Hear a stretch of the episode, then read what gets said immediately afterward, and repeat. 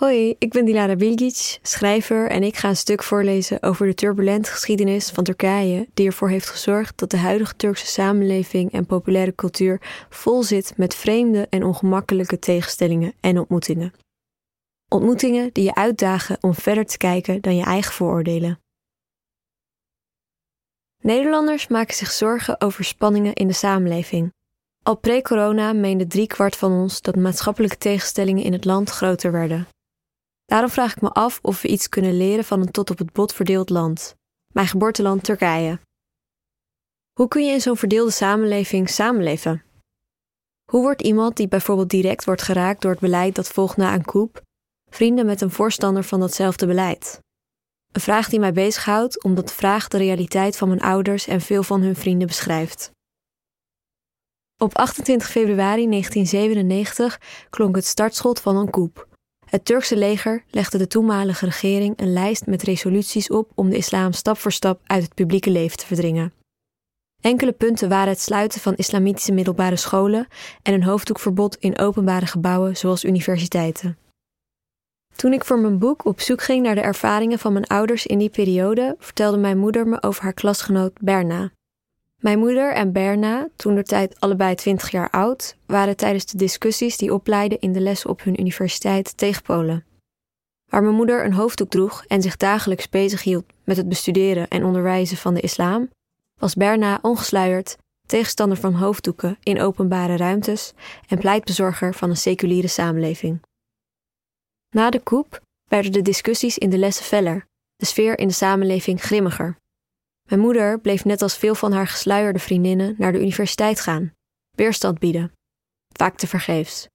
Zo ook op een dag tijdens een belangrijk tentamen. Ze mocht het lokaal niet in.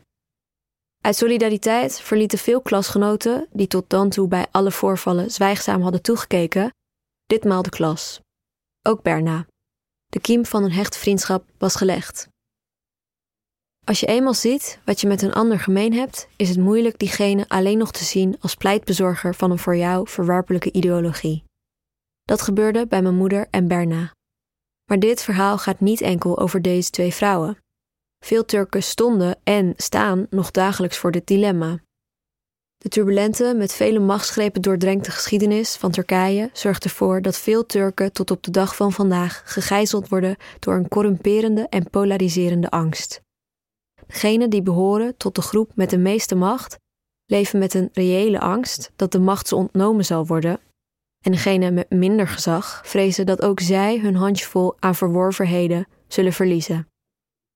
Fethullah Gulen, een zeer invloedrijke en vaak als conservatief bestempelde islamitische prediker, stond tijdens de eerder genoemde coup aan de overheersende kant, het seculiere leger. Twee jaar later werd hij vervolgd omdat hij als zogenaamd conservatief prediker met een toenemend aantal volgelingen een bedreiging zou vormen voor het seculiere karakter van de staat. Recep Tayyip Erdogan, de huidige president van Turkije en toenmalig burgemeester van Istanbul, moest in datzelfde jaar een gevangenisstraf van vier maanden uitzitten wegens het voordragen van een religieus nationalistisch gedicht. In 2003 werd Erdogan de premier van het land maar meermaals werd gepoogd de invloed van zijn partij in te perken. Zo werd in 2008 een klacht bij het Grondwettelijk Hof ingediend met het verzoek de partij te verbieden, omdat deze het seculiere karakter van de republiek zou ondermijnen. Erdogan sloeg op zijn beurt terug door samen met Gulen en zijn volgelingen de seculiere autoriteiten in de loop der jaren terug te dringen. Flash forward naar de eindstand. Momenteel is Erdogan de machtigste man van Turkije worden Gulen en gelieerden vervolgd omdat zij achter de meest recente mislukte staatsgreep van 15 juli 2016 zouden zitten, en is er van een seculiere staat weinig meer over. De polarisatie van vandaag is voor een deel een product van de hectiek van gisteren. Juist daarom is het ontroerend om te zien hoe sommigen, te midden van de ruïnes van die hectiek, bouwen aan een verbonden gemeenschappelijke toekomst. Zo ook in de literatuur en de filmindustrie. De Turkse Netflix-serie Birbashkadır uit 2020 speelt zich af in het hedendaagse Istanbul. De serie geeft de segregatie in Turkije schrijnend goed weer. Mariam, een gesluierde moslima, komt bij een seculiere psycholoog, Piri, terecht. Er is nog geen minuut verstreken van hun intakegesprek en Mariam vraagt al hoe ze de bus terug naar huis moet pakken. Een vraag die ze in hetzelfde consult nog een paar keer herhaalt. Ook Pidde zit Mariam liever gaan, zoals zij zelf later bij haar supervisor zal toegeven. Ze vertelt: Ze is zo slim, zo knap en zo jong, maar ik kan het niet. Ik luister naar het meisje, maar voel iets dat ik niet los kan laten. Woede. Einde citaat. Ze ervaart dit telkens wanneer ze een gesluierde vrouw in haar praktijk ontvangt. Eenzelfde tegenstelling is te bekennen in de roman Görbine, een titel die is te vertalen als Zie mij van Azra Cohen. Het verhaal speelt zich af in Istanbul ten tijde van de val van het Ottomaanse Rijk, maar is net zo goed een reflectie van de hedendaagse polarisatie. Het verhaal begint in de auto van de in gedachten verzonken Selim, zoon van de verbannen grootvizier. Een deel van het land en bezittingen van de familie is door de staat in beslag genomen. Hij schrikt op als een vrouw op een paard voorbijreest. Ulkje. Vol afgrijzen voetert hij dat het vaderland gestoord is geworden. Vrouwen horen niet op een paard te zitten en dienen gesluierd te zijn. Opgelucht dat Ulkje weer uit zijn gezichtsveld is verdwenen, rijdt hij hoofdschuddend door. Te vroeg gejuicht, blijkt later. Silim en Ulkje zullen elkaar nog vaak tegenkomen. Telkens zullen beide overmeesterd worden door afgrijzen. Silim omdat Ultje voor hem staat voor de verwerpelijke hervormingen die president Mustafa Kemal Atatürk de bevolking oplegt ten koste van het voor hem waardevolle Ottomaanse erfgoed en gedachtegoed. Ultje omdat Silim voor haar staat voor de Ottomaanse elite die de hervormingen van Atatürk tegenwerkt en de vrouw objectiveert. Zie daar ook de titel Zie mij. Ultje wil als mens gezien worden, niet als lichaam of als minderwaardig. Maar Ultje zelf ziet Selim aanvankelijk ook niet bepaald als individu.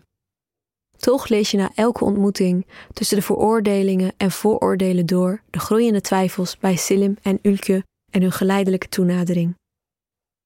De relaties die bij zowel Görbin als bij Birbashkader ontspruiten uit alledaagse, ongemakkelijke ontmoetingen bieden hoop.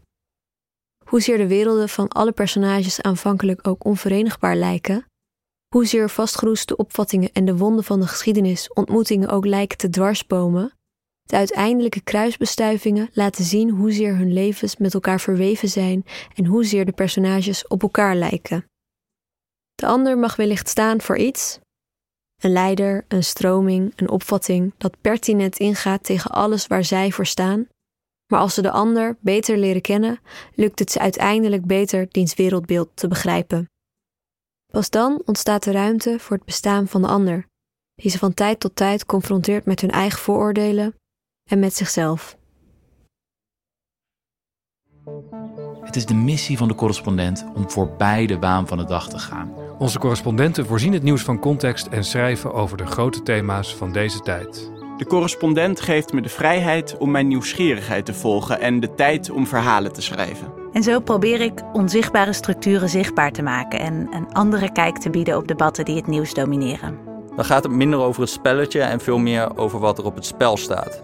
Vanaf dag 1 zijn onze artikelen, boeken en podcasts gefinancierd door onze leden. Volg ons op onze journalistieke zoektocht. Overweeg eens lid te worden van de correspondent. En maak daarmee samen met ruim 70.000 anderen onze onafhankelijke journalistiek mogelijk. Dus word lid van de correspondent. Ja. Word lid. Word lid.